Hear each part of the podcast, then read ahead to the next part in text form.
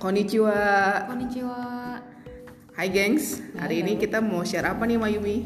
Jadi kita kali ini mau ngebahas tentang hal-hal, tujuh hal khususnya yang cuma ada di Kyoto. Wah, ini cuma ada di Kyoto aja nih ya. Betul.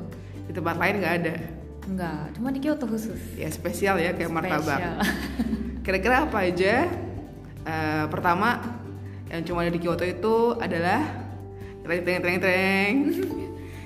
Hyakumangbeng. Hyakumangbeng itu apa sih ya? Hyakumangbeng itu kayak uh, per- nama perempatan di Kyoto, perempatan deket Kyoto Daigaku. Terus di sekitarnya ada uh, kafe, restoran, toko buku, dan toko-toko lainnya. Itu juga sebagai tempat nongkrong anak-anak mahasiswa sebelum masuk kelas, sesudah masuk kelas atau antar jeda kelas. Jadi misalnya kalau mau lihat mahasiswa mahasiswi Jepang yang kece, kawaii, ikemeng dan dari berbagai negara kumpul banyak banget ya di Yakumangbeng itu. Oh, jadi itu tempat yang populer untuk mahasiswa-mahasiswa Ah. uh, Kyoto University lah ya. Ya, benar. Tempatnya deket banget sama Kyoto University. Oh gitu. Lo pernah uh, nongkrong di Yakumangbeng gak, Mai? Nongkrong sih nggak pernah. Ya. Cuma pernah lewat aja. Berhubung saya bukan anak Kyoto University ya. Oke, kalau dulu gue sekolah selalu ngelewatin Hyakumangbeng. Jadi rasanya eh, rame aja gitu, seru aja di Hyakumangbeng situ. Wow. Oke, kalau selanjutnya nomor dua yang cuma ada di Kyoto itu adalah kuil-kuilnya. Oh, Di Kyoto tuh banyak banget kuil-kuil dari zaman eh, dulu, dari zaman Jepang kuno yang masih terjaga baik. Eh, ada kuil King Kakuji, eh, Kakuji tuh kuil emas, kuil emas.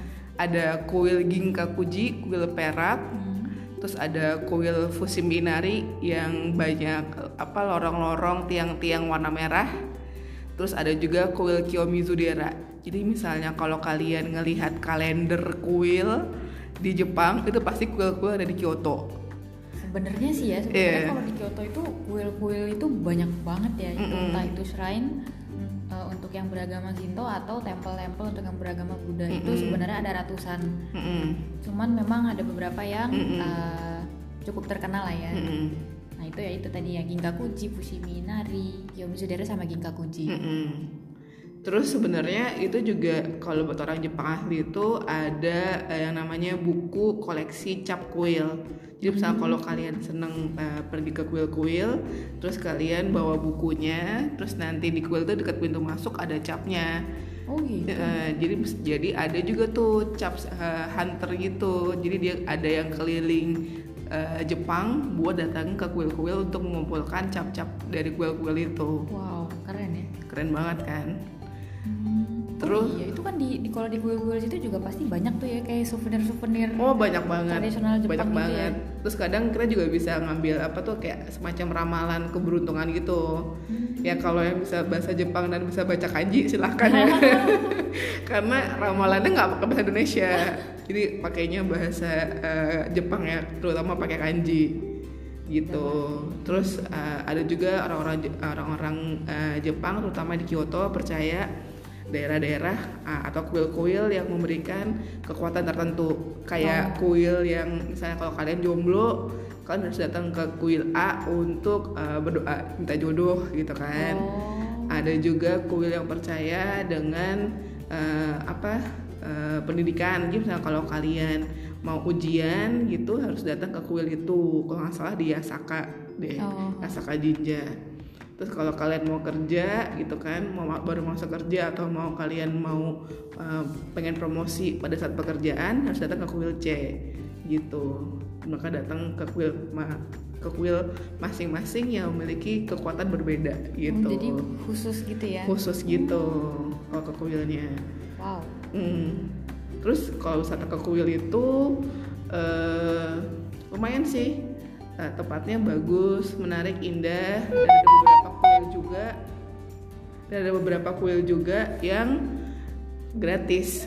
Jadi Oh, iya. lumayan. Masuknya nggak usah bayar-bayar mahal-mahal banget lah.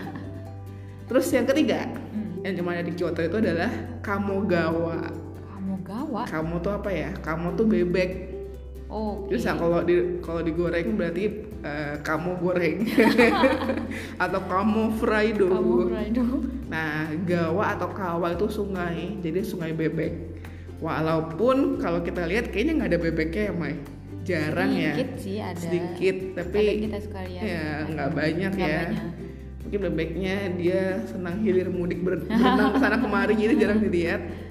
Nah, Kamu Gawa tuh ada apa? Kamu Gawa tuh kayak sungai panjang yang membelah kota Kyoto ya dari ujung utara sampai ke ujung selatan. Jadi selama kalian melihat sungai eh, Kamogawa, dijamin kalian nggak akan nyasar gitu. Oh iya.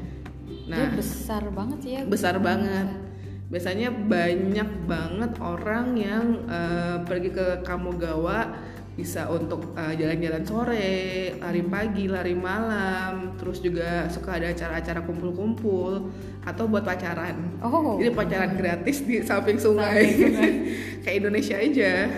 gitu. Tapi enak banget sih ya memang situ. Iya, tempatnya enak banget sih Kamogawa itu. Bener-bener tempat yang pewek banget buat lakuin apa aja. Bahkan kayak buat belajar juga bisa. Buat kumpul-kumpul sama teman-teman atau buat latihan ngeband. Temen kita ngeband latihannya di situ ya. Iya, waktu itu pernah sih latihan angklung di situ. Oh, latihan angklung di situ ya. Latihan nari?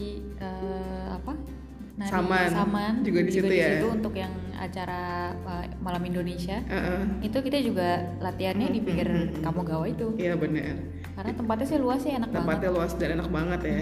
Pokoknya yang paling ngangenin banget ketika kita akan pulang ke Indonesia adalah Kamogawa, itu. Kamogawa. Karena kenangannya terlalu banyak di Kamogawa. Oh, udah beribu kenangan ya Iya, udah ya? beribu kenangan Aduh. banget. Dari kenangan suram sampai kenangan bahagia. Terus itu juga kita bisa ngeliat gimana sih orang Jepang itu pacaran. Orang Jepang tuh kalau pacaran di pinggir sungai ngapain aja ya? Kalau untuk yang kepo ya. Untuk yang kepo silakan melihat di Kamogawa. Nah, Kamogawa itu deket salah satu cabangnya ada yang deket daerah Sanjo. Sanjo itu adalah daerah paling ramenya di eh, Kyoto. Itu banyak apa namanya tempat-tempat eh, nongkrong, kafe, mall dan lain-lainnya gitu kan. Jadi serulah. Next, yang cuman ada di Kyoto tuh adalah Kyoto Manga Museum. Wah, itu tempatnya keren. Iya, kalau kalian suka manga, suka baca-baca komik segala macam, bakal puas banget deh datang ke Kyoto Manga Museum ini. Hmm. Tempat ini belum lama eh, berdiri, kalau nggak salah baru sekitar 5-6 tahunan lah ya. Oh. Sayangnya tahun kemarin sempat terbakar. Oh iya. Sempat ada kebakaran. Eh, ya kalian bisa baca deh eh, di Google eh, terbakarnya kenapa? Karena ada salah satu staff yang eh, dia merasa kecewa. Terus ya udah sekarang sih udah eh, aman gitu. Oh. Korek, tapi kalian bisa ke- bisa cek lagi lah ya di Google. Correct me if I'm wrong ya. Kalau Kyoto Manga Museum tuh buku-bukunya tuh banyak banget dari Banget. yang manga yang zaman dulu banget Iya. sampai yang baru koleksinya lengkap. Ya, Udah gitu kita bisa eh, baca. ya. Jadi mereka punya halaman yang kita Iya, bisa tidur tiduran, banget, iya. bacanya sambil tidur tiduran Hmm. di luar tuh enak banget. Banget banget. Wow banget deh pokoknya.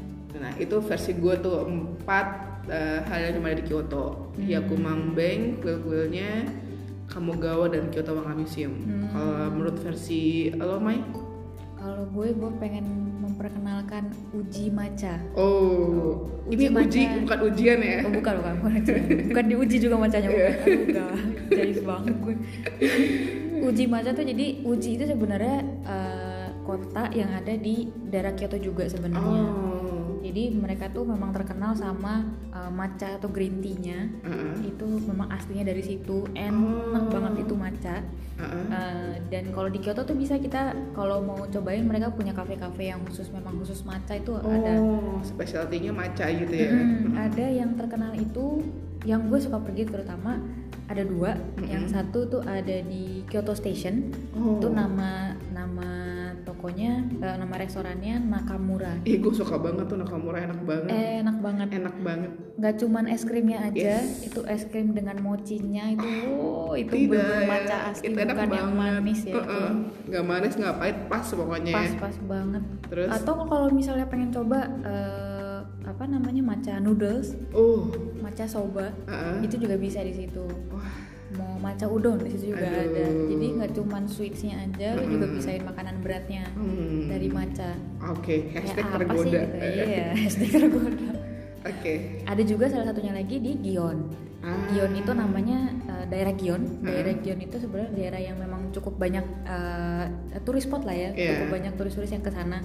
Nama restorannya Sujiri itu biasanya ngantrinya panjang. Wah, Itu uh, mereka punya banyak sweet-sweetsnya itu yang manis-manis itu banyak banget pilihannya. Dari Hmm. yang kecil es krim doang sampai yang nama sebutannya kita apa ya parfait kali ya. parfait. Oh, es krim yang gede gitu ya, krim yang, gede, fancy, yang macam-macam isinya. Iya, ada uh, kacang merahnya, ada Mm-mm. mochinya, Mm-mm. ada ada macam-macam deh di situ. Dan itu puas banget pasti di situ, enak Ah, banget. Oke. Itu yang mau gue rekomendasiin salah satunya. Dan yang ke Mm. selanjutnya itu Heeh. Arashiyama. Arashiyama. Arashiyama itu salah satu daerah yang banyak juga dikunjungi sama turis-turis mancanegara. Oke, ada apa tuh? Dia eh, itu lebih banyak ke natural, bukan natural apa, nature-nya. Oke, apa alamnya ya, alamnya. Jadi dia ya. pas di pinggir gunung juga. Heeh. Dan ada satu yang paling terkenal dari Arashiyama itu adalah bambu forest. Oh, yang suka ada di kalender, Kalender juga ada. di kalender juga. ada di kalender. Ada di kalender, ada forest. di foto-foto di Instagram, Iya. ada di video-video gitu ya. Bener. Ah, oke Itu oke. di sana emang enak banget sih kalau misalnya mau sekedar jalan-jalan, pemandangan, emang senang eh, strolling aja gitu. Itu juga enak banget di situ. Di situ juga ada sungai gede. Mhm. Itu juga enak banget kita mau duduk-duduk di situ atau mau pergi ke bambu forestnya juga bisa atau mau belanja souvenirnya juga di situ banyak. Oh. Memang yang khusus Kyoto di situ juga ada. Paling oke ke sana eh, musim apa ya? Paling oke ke sana sebenarnya eh, setahun full itu ke sana Mm-mm. juga bagus. Mm-mm. Maksudnya eh, kalau misalnya lagi eh, summer juga di situ enak, Mm-mm. mau autumn juga di situ mungkin agak lebih dingin sedikit aja. Iya.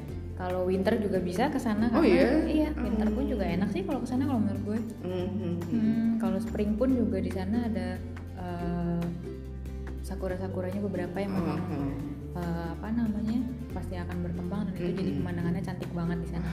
Gue sih waktu itu ke sana pas lagi autumn ya musim gugur.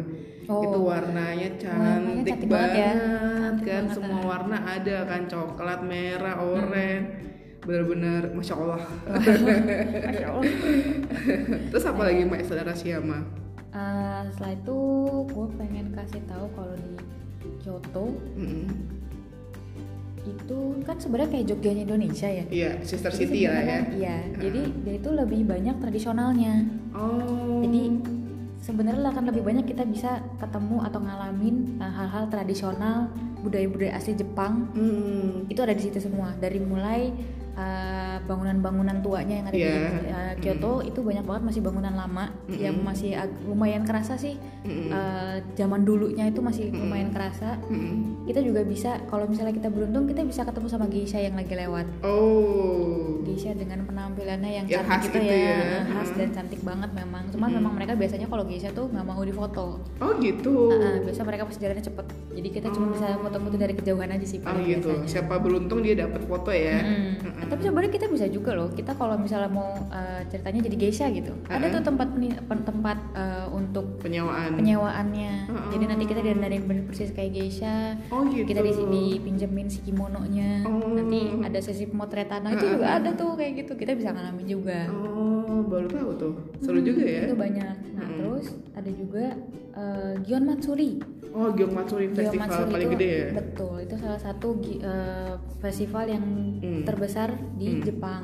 Oh. Tuh dia biasanya diadain di setiap eh, summer, setiap Hmm. bulan eh, sorry musim panas Mm-mm. di akhir bulan Juli ya kalau Ya, nggak salah. akhir Juli. Mm, nah itu biasanya banyak eh, itu gede banget festivalnya. Hmm. Akan banyak orang-orang yang ke sana tuh sambil pakai yukata. Oh, kayak di drama-drama gitu iya, ya. seru banget nanti kita jajan-jajan. Ini kalau di drama kan suka banyak tuh ya yang bisa ada festival-festival nah gitu. Eh persis kayak gitu. Oh, oke oke oke. gitu. Nah, terus kalau misalnya mau eh, cobain uh, tea seremoninya Uh, uh. atau mau nonton kayak teater tradisional Jepang atau kalau mau uh, apa? Melihat, kayak lihat hmm. kayak apa namanya tata bu tata cara Eh, bikin bunganya itu iya, ya? kayak ikebana gitu ya. Hmm, lalu Uh, arrangementnya kayak gitu. Mm, terus ada upacara minum teh juga. Cara minum teh terus Hmm. melihat mereka eh, apa pertunjukan musiknya Uh, gitu. dengan alat musik yang khas gitu ya. Ah, Mm. atau dance tradisionalnya mereka Mm-mm. gitu. Itu ada salah satu tempat ada namanya Gion Corner ya Saka Hall itu yang kita bisa ya bayar sekitar 3000 yenan Mm-mm. tapi kita bisa tonton semua. Jadi kita bisa tahu tradisional Jepang itu seperti apa. Wah puas banget dong ya. Puas puas banget. Oh, gitu. Pokoknya mantep lah kalau di Kyoto.